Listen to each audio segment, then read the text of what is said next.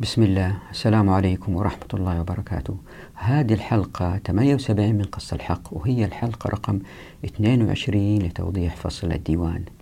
موضوع هذه الحلقة استحداثات فقهية وهي تبدأ من الصفحة 657 من كتاب قص الحق. طبعا هذه الحلقات كلها مترتبة على بعض في الفهم يعني صعب متابعة هذه الحلقة إن لم تشاهد الحلقات السابقة. وبالذات آخر أربع خمس حلقات. اللي صار أنه مع قبول الديوان نوعا ما بنوع من التردد كمؤسسة في إدارة الأمة إلا صار أنه بدأت تظهر بعض النوازل إلا تحتاج بعض الإجابات من الفقهاء. مثلا هل للجنود إذا كان ما في مال في بيت المال وما أسلوا مرتباتهم لمدة شهر مثلا وأتى مال هل هم أحق أم الفقراء؟ وما إلى ذلك. هو موضوع هذه الحلقة. يعني هذه الحلقة لا تجيب على هذه ال ال الأسئلة إنما تظهر هذه الأسئلة كإشكالية ظهرت في الفقه لأنه طبعا محاولة الإجابة عليها هي ليست مسألة شرعية هي مسألة من العلوم الحديثة. ليه؟ لأنه نفس الديوان كجسم غريب دخل على الفقه. إن حاولنا إننا نؤسلمه إحنا بنبعد الأمة عن الطريق الصح أكثر وأكثر. وهذا الذي حدث بمحاولة الإجابة على هذه على هذه الأسئلة. فبالتالي آه، بدأت أدوات الاستحسان والقياس تستخدم في شيء أصلا هو ما هو في الشريعة. وبكذا ازدادت الغربة آه، للشريعة عن الواقع الأمثل. والآن إلى الملخص. تذكير سريع ذكرت في المقدمة أنه عندما تحدثت عن الديوان أنه دخل في كتب الفقه قد يكون الوضع غير شرعي. طبعا هذا الكلام ينطبق فقط على الحقوق ولا ينطبق على المسائل الأخرى التي تحتاجها الأمة من قضايا مستجدة كالتقنية أو الأشياء الصحية. حديثي عن الحقوق فالذي حدث هو مع دخول آه، الديوان في كتب الفقه.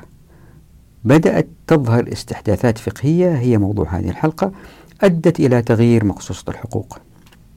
سنبدأ إن شاء الله بنص من كتاب شرح معاني الآثار وهذا نص فقط للتذكير بسواد العراق وما أدى إليه من استحداثات فقهية. وفي النص هذا ببين أن عدم التقسيم الذي حدث في سواد العراق أستمر أيضا كان مط في مصر وفي المناطق الأخرى. ونركز أيضا في النص أن ولاء الجند قد يتغير الحاكم حتى إن لم يحكم بما أنزل الله. وبعدين بأثير مسألة قلة الغلة لأن الأراضي كانت ملك للدولة. بعدين نمر على نص من صحيح البخاري يوضح قلق عمر رضي الله عنه وأرضاه أن الأرض إن كانت ملك للدولة قد تحمل ما لا تطيق. طبعا هذين النصين هو للتذكير بما مر بنا في فصل الأراضي ودولة الناس لأنه بعدنا عنها عدة حلقات وضعتها هنا فقط للتذكير. ثم نبدأ في موضوع الحلقة فننظر إلى نص من المجموع ونلحظ كلمة المرتزقة تظهر بوضوح وهي كلمة فيها تعبير أن العمل العسكري قد لا يكون خالصا لله. يثير النص كم سيدفع لهؤلاء المرتزقة وما شابه من أسئلة ما كانت لتظهر في عهد الرسول صلى الله عليه وسلم. والنتيجة من هذه الاستحداثات الفقهية هي أن الرأي رأي السلطان لما يرى فيه المصلحة لأنه ما في دليل من القرآن والسنة. وبكده تغيرت مخصوصة الحقوق بتغير الجهاد من عبادة إلى سلعة. نلاحظ في النص أنه يشير إلى وكأن الوضع الطبيعي لبيت المال هو أن يكون به مال باستمرار. وذلك حتى يغطي نفقات المرتزقة. وهذا ليس كما مر بنا في فصل دولة الناس أي أنها ليست سنة الرسول صلى الله عليه وسلم. بعد ذلك ننظر لنص من الكافي لابن عبد البر. نلحظ في النص أنه لا يمانع من حبس الأموال تحسبا لنزول نوازل. وهذا عكس فعل الرسول صلى الله عليه وسلم الذي كان ينفق من غير خوف من أي نوازل مستقبلية. نلحظ أيضا في النص أنه يجيز العطاء للأغنياء وهذا مخالف لفعل الرسول صلى الله عليه وسلم. فالرسول أعطى المؤلف قلوبهم فقط إن كانوا من الأغنياء. هنا في توضيح أنهم ذهبوا والله أعلم لهذا التقسيم للمال مثل يأخذ الأغنياء أو الجند زي ما ذكرت في المرة الماضية وذكر هنا مرة ثانية لأن الفقهاء رأوا الأموال تنفق على القصور والترف قالوا معليش يمكن نعطي الناس حتى لو كانوا أثرياء.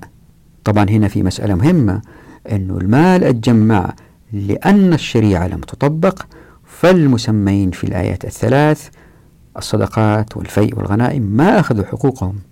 زائد أنه بعض هذه الأموال أخذت بغير وجه حق لأنها كانت من أراضي خراجية وكان يجب أن تقسم على الغانمين أو لأنها مكوس فرضت على الناس زي ما شفنا في الفصل الماضي في دولة الناس. بعد كذا ننظر إلى نص من المغني يوضح كيفية القسمة. والنقطة التي أثيرها هنا أنه عندما تتجمع الأموال بهذا الشكل نحتاج إلى جهاز إداري للقسمة فتظهر نواة الدولة المعاصرة. لأنه إذا كان هذا الجهاز الإداري في أفضل الأحوال ناس أتقياء شفافين يخاف الله سبحانه وتعالى سننتهي بدولة كالدول الغربية والتي تؤدي إلى تلويث الكرة الأرضية. وفي الأحوال السيئة ننتهي بحال كما هو حالنا اليوم ذل وفقر وجهل. بعد ذلك ننظر لنص من الأشباه والنظائر يوضح مسألة إسقاط الأجناد من الديوان. متى يجوز إسقاطهم ومن له الحق في ذلك؟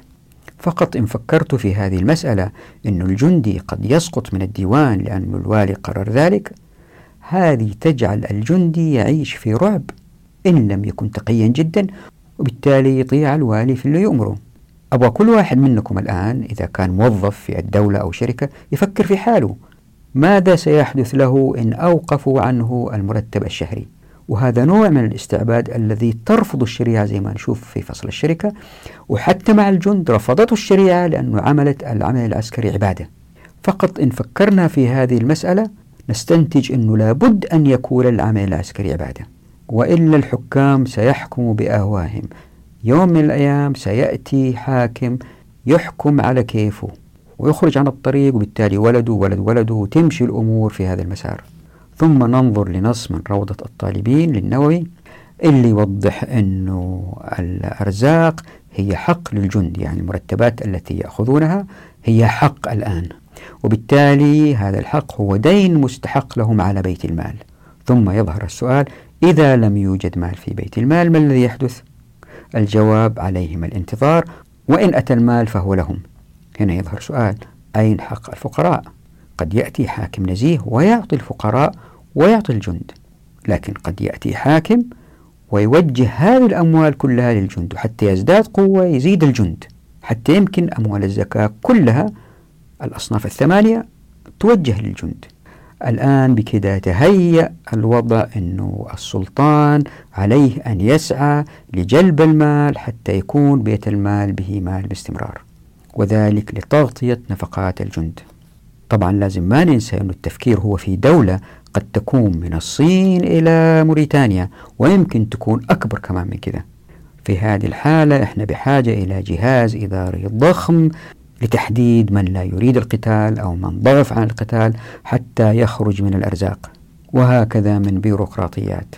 ثم بعد ذلك ننظر لنص من كتاب روضة الطالبين يوضح الحكم فيما إن طالب ابن أحد المرتزقة إثبات اسمه في الديوان.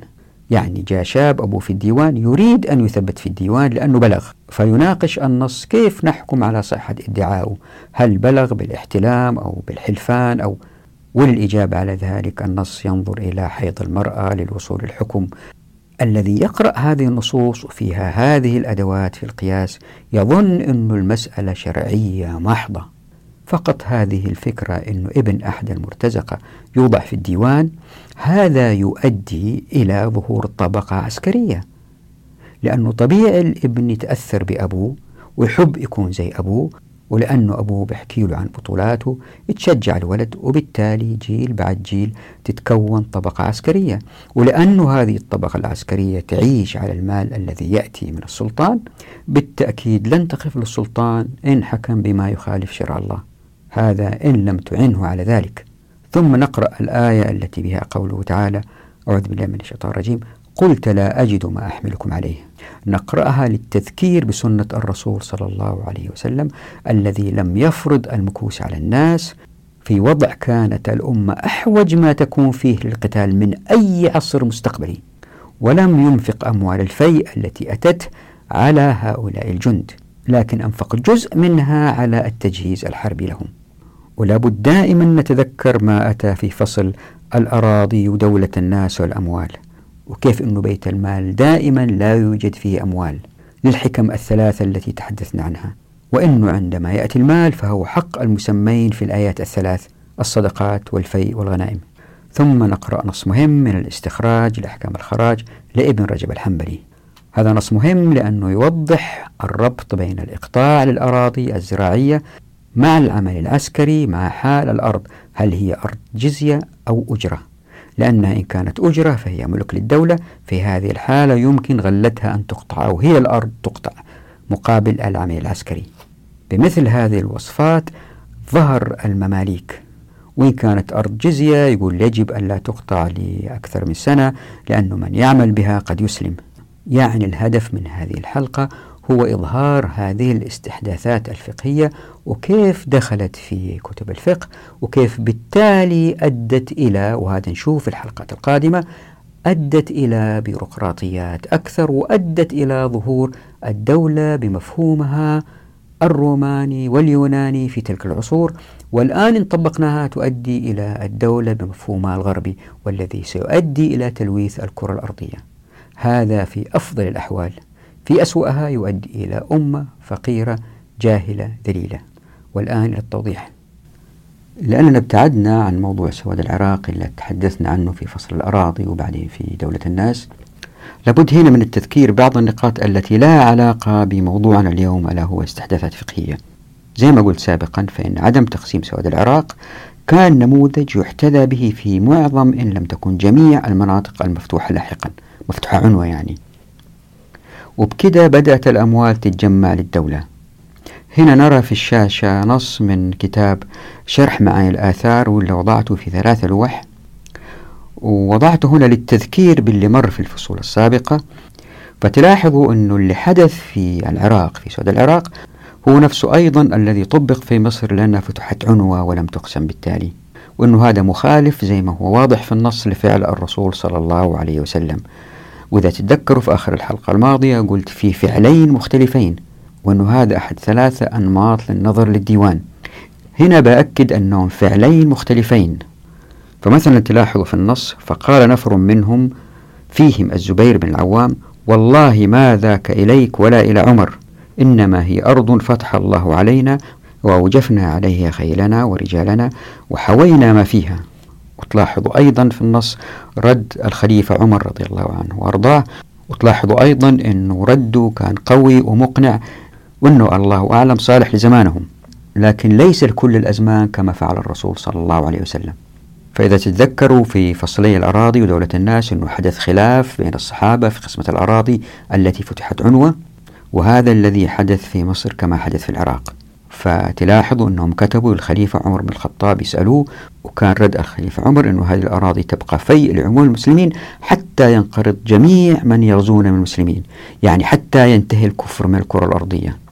لكن الذي حدث لاحقا أنه ولاء الجند كان للسلطان والذي أحيانا إن لم يحكم بالشرع يضيع الأمة وهذا الذي حدث. فإن علم الصحابة رضوان الله عليهم الذين وافقوا على القسمة لما أيدوا عمر رضي الله عنه فيما ذهب إليه.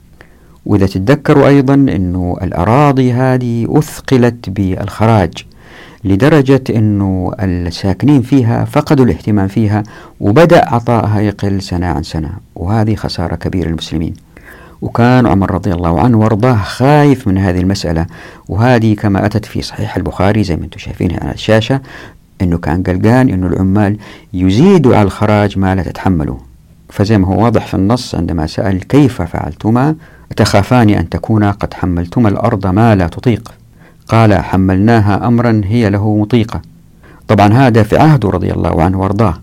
لكن زي ما شفنا في كتاب الخراج والأمثلة الأخرى من كتاب الأموال اللي صار أنه الأرض حملت ما لا تطيق لدرجة أنه الناس اللي يعملوا فيها بدأوا يهربوا منها. هذا بالإضافة إلى أنه إذا عرف الخليفة عمر رضي الله عنه أنه قسمة الأراضي المفتوحة بين الفاتحين. سيؤدي إلى المزيد من قوة للمسلمين لأنه الآتي من الزكاة القليل الذي سيزداد عبر الأجيال هو أكثر بكثير مما سيأتي من الخراج. يعني كان رضي الله عنه وأرضاه لأمر بقسمتها كما فعل الرسول صلى الله عليه وسلم في خيبر. أحيانا الناس يسألوا أن الرسول صلى الله عليه وسلم ترك بعض الأراضي لأهل خيبر للعمل فيها على أن يكون الخراج المسلمين. الجواب هو نعم هو ترك تلك الأراضي لأنها أراضي فتحت صلحا. فما نلخبط في هذه المسألة؟ فزي ما هو معروف فإن جميع خيبر لم تفتح عنوة فمنها ما فتح عنوة في أول الأمر. وبعد كده استسلموا اليهود إلا شافوا الحصون الأولى سقطت بانهزام سريع فخافوا على أنفسهم وذهبوا للصلح. حتى هذه الأموال اللي هي فيء هي أموال تذهب لأصحابها المستحقين المسمين فئة الفيء. وليست للجند كعطايا أبدا هذا لم يقع. وحتى الخمس اللي كان للرسول صلى الله عليه وسلم من الفيء أو خمس الخمس من الغنائم واللي نفقتها آلت للحاكم بعد وفاة الرسول صلى الله عليه وسلم هذه ما أنفقها الرسول صلى الله عليه وسلم على الغزاة أبدا لكن للتجهيز الحربي واليتامى والمساكين وابن السبيل. يعني ما كانت عطاءات أو أرزاق للجند أبدا. بعد هذه المقدمة التذكيرية نعود الآن إلى موضوع هذه الحلقة. كنت سابقا ضربت مثال الماء الطاهر وأنه قلت الماء نوعين أصلا نجس وطهور وبعد كده فقهاء أضافوا النوع الثالث ألا وهو الماء الطاهر وإن شاء الله ما أكون لخبط بينهم يعني. ف... وأنا لست فقيه أفهم في هذه المسألة لكن ضربت هذا كمثال تقريبي عشان نفهم كيف أنه ظهور شيء جديد يتطلب استحداثات فقهية. وهذا اللي صار مع الديوان لأنه الديوان ما كان موجود كمؤسسة في الإدارة الإسلامية لأي شيء. فإلا صار أنه ظهرت نوازل جديدة يعني إشكاليات جديدة يحتاج لها حل. فمثلا إذا كان شخص فقير وكان في ديوان الجند هل يستحق الزكاة أو لا يستحق؟ الآن إذا كان ما في ديوان كان هو فقير ويأخذ من الزكاة هذا حقه. الآن صار وضع جديد. ليه؟ لأنه هو في ديوان الجند وفقير. هل يأخذ من الجهتين أو من جهة واحدة؟ هذه تطلبت إجابات من الفقهاء. طبعا هذا مثال واحد والأمثلة كثيرة وضعت هنا نص في الشاشة من المجموع. واللي تلاحظوا فيه بوضوح أنه في كلمة المرتزقة والتي تعني الجنود المجندين والمسجلين في الديوان. الملفت هو أن كلمة المرتزقة وصف دقيق يعبر عن الولاء لمن يدفع الأموال. فكم سيدفع لهؤلاء المرتزقة ومن سيحدد ذلك؟ طبعا لأن الرسول صلى الله عليه وسلم ما فعل هذا فما في دليل لا من الكتاب ولا السنة. لذلك لابد أن تأتي الإجابة من الاجتهاد المحض والذي ينتهي بإعطاء الحق للسلطان في الغالب لتحديد ذلك. فيكون الجواب في الغالب لما رأى السلطان أن فيه المصلحة. يعني السلطان اكتسب حقوق جديدة وبالتالي تتغير مقصوصة الحقوق إلى منظومة جديدة. فاللي يلفت في الاقتباس أيضا أنه الجهاد قبل به ضمنا كسلعة. فتلاحظ في النص من قوله كذا لو أراد واحد من أهل الصدقات أن يصير من المرتزقة جعل منهم فيعطى من الفيء ولا يعطى من الصدقات. ففي هذه العبارة إشارة إلى إمكانية تحول المساكين من موقع مالي لآخر للحصول على المال مقابل الغزو واللي يثير الانتباه أيضا في الاقتباس هو قوله فنحتاج المسلمون إلى من يكفيهم شر الكفار ولا مال في بيت المال فهل يجوز إعطاء المرتزقة من الزكاة من سهم سبيل الله تعالى؟ طبعا في هذه العبارة افتراض يفتح الأبواب للسلاطين على مصراعيها ليفرضوا المكوس كيف؟ هذا الافتراض السابق منافي تماما لما يجب أن يكون عليه حال بيت المال. إذا تتذكروا في الفصل السابق في الحديث عن دولة الناس أنه كيف بيت المال يجب أن يبقى خاويا باستمرار للحكم الثلاثة التي تحدثنا عنها. يعني بيت المال ما فيه فلوس أبدا وهذا هو الوضع الطبيعي. لكن العبارة السابقة تفترض أن بيت المال يجب أن يكون عامرا بالأموال وأن الخواء هو الوضع الشاذ بقوله.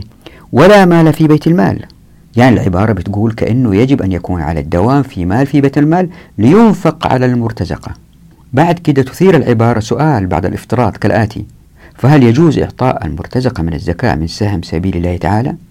فتأتي الإجابة فيه قولان مشهوران في طريقة خرسان أصحهما لا يعطون كما لا يصرف الفيء إلى أهل الصدقات والثاني يعطون لأنهم غزاة.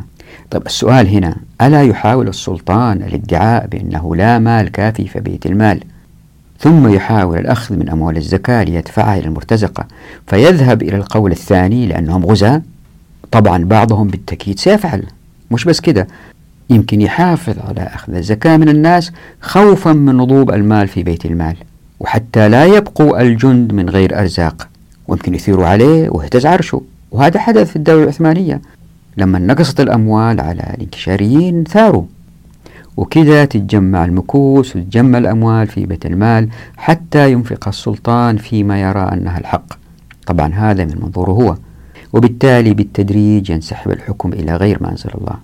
وبالتأكيد من المقارنة باللي في الفصل السابق أي دولة الناس تدركوا أن حبس الأموال في بيت المال لم يكن أبدا من نهجه صلوات ربي وسلامه عليه. تلاحظوا في الاقتباس اللي وضعته هنا على الشاشة اللي هو من ثلاث لوح من الكافي لابن عبد البر أنه لا يمانع حبس الأموال تحسبا لنزول تنزل بالمسلمين. يعني عكس اللي استنبطناه في دولة الناس.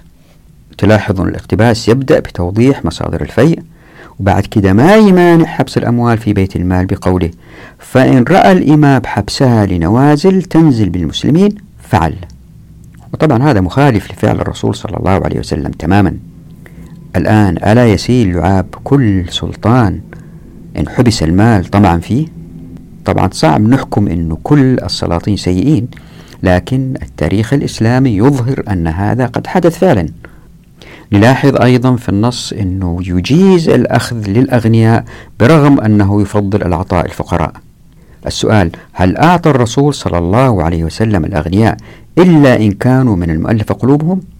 لابد أنه نستحضر ونتذكر الذي شرحناه في فصل دولة الناس ونرى كيف نهج الرسول صلى الله عليه وسلم في القسمة. صلى الله عليه وسلم في القسمة كيف قسم؟ وكيف ما جمع المال في بيت المال؟ صلى الله عليه وسلم. فعندما تجمع الأموال في بيت المال هذا افتح شهية إذا السلاطين كانوا نزيهين المقربين منه واللي اللي تحته واللي اللي تحته وبالتالي يصبح المال دولة بين الأغنياء كما وصفت آية الفيء. وبكذا كان الوضع مهيئ لظهور فقه جديد على غير ما فعله الرسول صلى الله عليه وسلم. لاحظوا الاقتباس الآتي من المغني واللي يوضح كيفية القسمة بين أهل العطاء. إذا تقرأوا النص تلاحظوا أنه سؤال ملح سيظهر. من الذي سيحدد قدر الحاجة للمقاتل أو من في ديوان العطاء ليعطيه المال؟ طبعا الإجابة هي أن السلطان أو من ينوب عنه. وهذا الذي ينوب عنه هل يستطيع تقدير العطاء لآلاف الجند في ديوان العطاء؟ بالتأكيد لن يستطيع فعل ذلك إلا من خلال وضع معايير معينة. وبالتالي يأتوا الآخرين لتفسير هذه المعايير أو اختراقها أو التلاعب عليها للقيام بالتوزيع. وهكذا تظهر نواة جهاز إداري بيروقراطي. طيب ويمكن واحد يقول بس أحيانا يأتوا سلاطين أو حكام أو خلفاء نزيهين زي عمر بن الخطاب رضي الله عنه. طبعا الجواب زي ما أثبت التاريخ أنه الذي يحدث أحيانا هو العكس. فليس جميع الحكام مثل عمر بن الخطاب رضي الله عنه. فالمال زي ما هو معروف هو الأداء الأقوى في يد السلطان لتحقيق ما يعتقد أنه الحق. ولأن الناس عقولهم مختلفة ولهم آراء مختلفة ولأن الشريعة أحيانا يمكن واحد يوجهها شمال يمين حسب آرائه زي ما هو حادث الآن من فقهاء السلاطين. فاللي يصير أنه الجند يتفاضلوا في العطاء فالسلطان يعطي من هو ولاؤه أكثر له فيقرب هذا ويبعد هذا. بالتالي يستخدم السلطان اللي ولاءهم له لتحقيق أهدافه. يمكن واحد يقول بس السلطان لازم يتبع الشريعة. الجواب الإشكالية ليست في الشريعة الإشكالية في مزج السلاطين لأهواهم لفهم الشريعة واللي يعينوهم عليها فقهاء السلاطين. والتاريخ كله إثبات لهذه المسألة. لذلك الله سبحانه وتعالى والله أعلم الذي خلق البشر ويعرف أهواءهم واللي في نفوسهم. وضع مقصوصة حقوق لن يتمكن من خلالها السلطان إلا بالحكم بما أنزل الله لأنه ما في أحد يعينه على الخروج عن هذه الجدة وعندما يحكم بما أنزل الله الجميع يطيعوا والأمثلة على انتشار فقه الديوان في كتب الفقه ما تنتهي في جميع المذاهب وهذا دليل على تغلغل الديوان في الشريعة. لا نلخبط في الحلقات الماضية قلت أنه كلمة ديوان لا تظهر في الحديث عن حقوق الغانمين في الغنائم. وهذا موضوع آخر. فظهور الديوان في كتب الفقه زي ما راح نشوف إن شاء الله هو بذرة الدولة بمفهومها السلطوي الإداري الحديث. وعشان تقتنعوا وضعت عدة نصوص من كتب متفرقة من المذاهب عشان تحكموا بأنفسكم. وهنا تنويه لابد منه هو أنه هؤلاء آه، علماء كبار أجلاء ومن أنا حتى أرتقي لنقدهم. لكن والله أعلم لأنه أمضيت عمر في مسألة التمكين وربطت بعض الأجزاء مع بعض. ظهرت هذه المسألة بوضوح في ربطها بأنه ليش الحكام الحاليين لا يحكموا بما أنزل الله؟ إيش اللي مقويهم على الأمة؟ وهؤلاء الفقهاء الأجلاء لو عاشوا اليوم وشافوا اللي إحنا فيه ما كانوا ذهبوا إلى ما ذهبوا إليه. ولا حاربوا الديوان بكل ما أوتوا من قوة. ففي الأشباه والنظائر زي ما أنتم شايفين هنا في الشاشة نلاحظ أن المؤلف يستخدم التعبيرين جاز ولا يجوز عند الحديث عن إسقاط الجنود المثبتين في الديوان. فإن كان الجهاد عبادة لن يظهر مثل هذا السؤال هل من حق السلطان إسقاط الأجناد من الديوان بسبب أو بدون سبب؟ لكن لأن الجهاد أصبح وظيفة ظهر هذا السؤال. طبعا السؤال واحد يمكن يدفعه أكثر للأمام ويسأل ما هي حدود الأسباب التي تعطي السلطان الحق في إسقاط جندي من الديوان؟ وبالتأكيد إذا كان في جواب هو لن يعتمد على قول الرسول صلى الله عليه وسلم أو فعله لأنه ما كان في ديوان بعطاء. فبالتأكيد الجواب سيعتمد على الاجتهاد. لاحظوا الاقتباس من كتاب روضة الطالبين للنووي. نلاحظ فيه أنه يعطي الجنود الحق في المال لدرجة أنه إن تأخر العطاء عليهم فإن العطاء أو الرزق يعتبر دينا مستحقا لهم على بيت المال. وبالتالي إن وجد مال في بيت المال فلهم الحق بالمطالبة به وإن لم يوجد فعليهم الانتظار. وهذا يعني طبعا ضمنا أنه عندما يأتي مال لبيت المال فلهم الحق بالمطالبة بهذه الحقوق. وبالتالي أن المال الذي سيأتي سيذهب مباشرة إليهم لأنها الآن أصبحت حقوق لهم وبالتالي تتغير مقصوصة الحقوق. وعندها ما في مال عند السلطان حتى يغطي الاحتياجات الأخرى اللي هي للفقراء والمساكين وابن السبيل. وهؤلاء زي ما رح نشوف هم سبب في النهضة للأمة. وهذا الحق للجند في المال إن لم يكن في مال في بيت المال يضع السلطان في حرج دائم حتى لا يكون بيت المال خاويا لذلك سيسعى لإيجاد البدائل لكي يجمع المال ليكون بيت المال دائما معمورا. يعني هذا يمكن يضطروا لوضع بكوس وما شابه من وسائل جمع المال. يعني الدفاع عن الأمة أصبح بحاجة إلى مال مستمر والجهاد بالتالي أصبح سلعة. هذه المسؤولية ألا وهي دفاع عن الأمة التي كانت في أيدي الأفراد وفرض عين عليهم في حالة أنه دير المسلمين تم غزوها أصبحت مسؤولية السلطان والديوان بالدرجة الأولى. طبعا ما حد يقدر يناقش هذه المسألة وبالتالي الناس اضطروا أن يدفعوا. واللي يعزز هذا الاستنتاج أنه العمل العسكري أصبح سلعة هو أنه إن امتنع فرد عن القتال وهو كفء سيسقط عطاؤه أو رزقه. أما إن ضعف فلن يسقط رزقه وذلك بقوله وإذا جرد الجيش للقتال فامتنعوا وهم أكفاء من حاربهم سقطت أرزاقهم.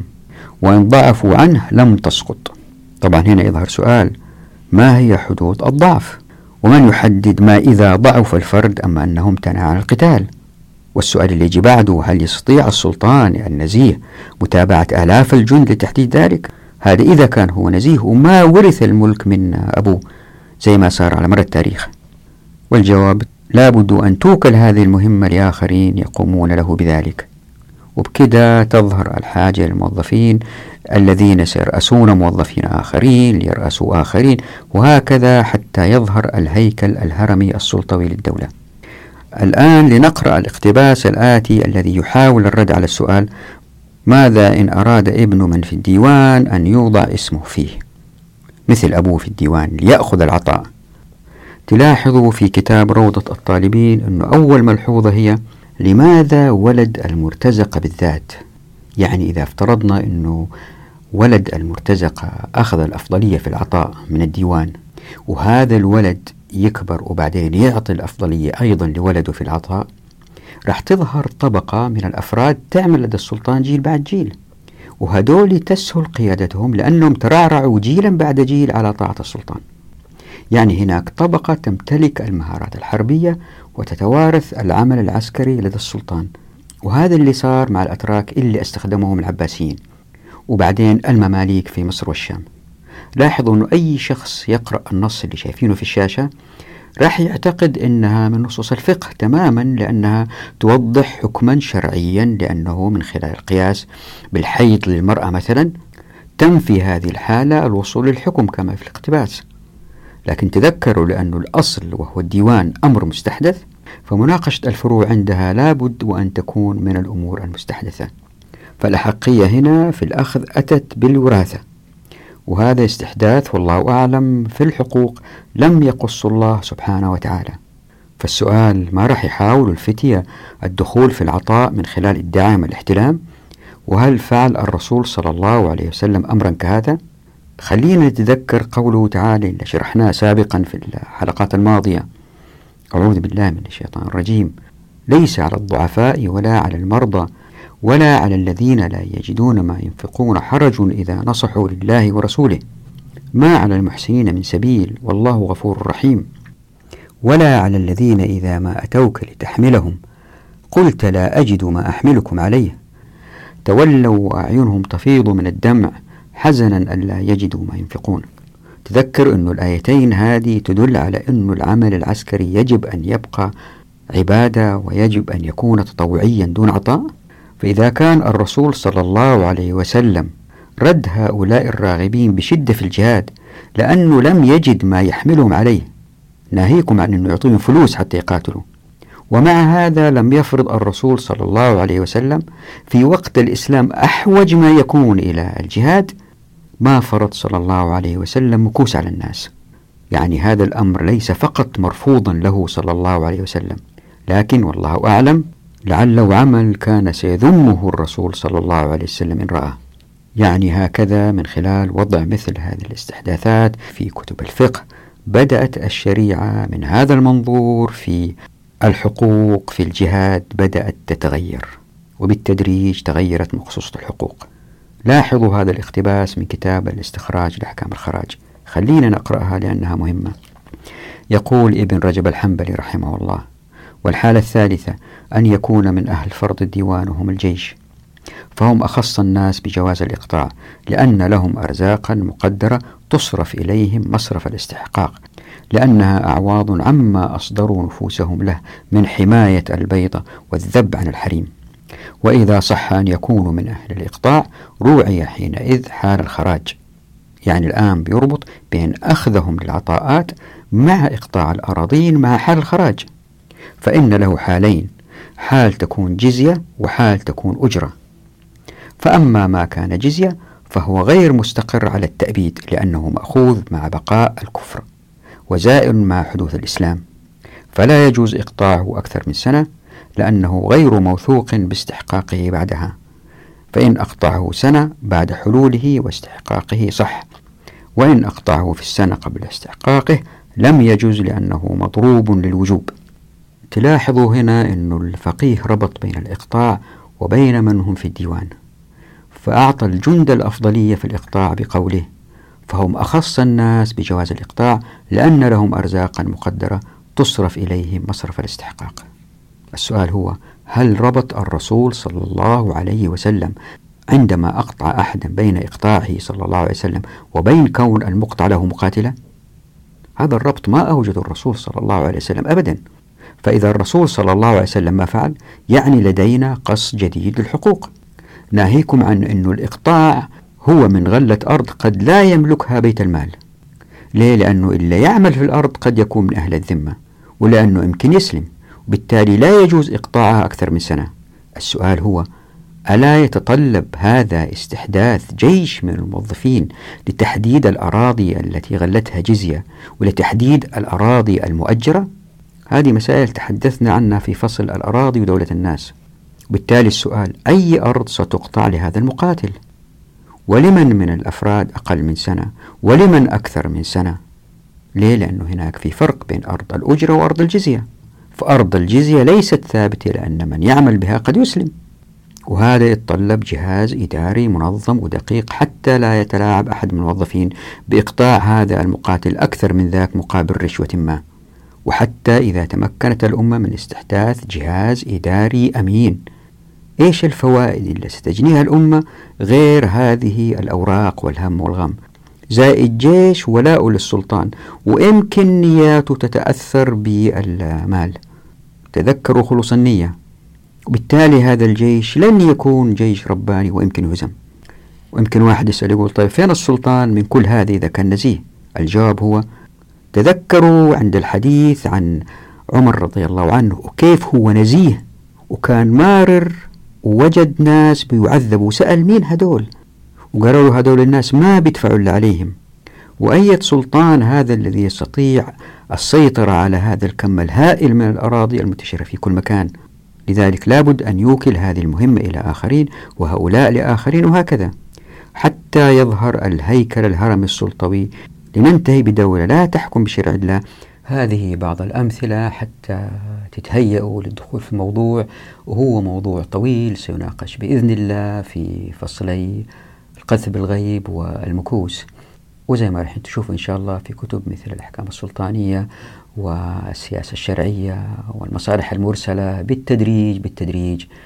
بدأت الدولة تظهر بمفهومها الحديث المليء بالبيروقراطية التي يمكن التلاعب بها وتغيرت مقصوصة الحقوق لأن الحكام بدأوا يستخدموا هذا السلطات ليس بس في مسائل الجهاد والجعل وما إلى ذلك ولكن أيضا في تقفيل الأبواب الأخرى من حقوق مثل منع الناس من استخراج المعادن. وإن شاء الله في الحلقة القادمة مزيد من الأمثلة من خلال الحديث عن البيروقراطية. نتوقف هنا نراكم على خير. إن شاء الله بإذن الله وفي أمان الله. دعواتكم.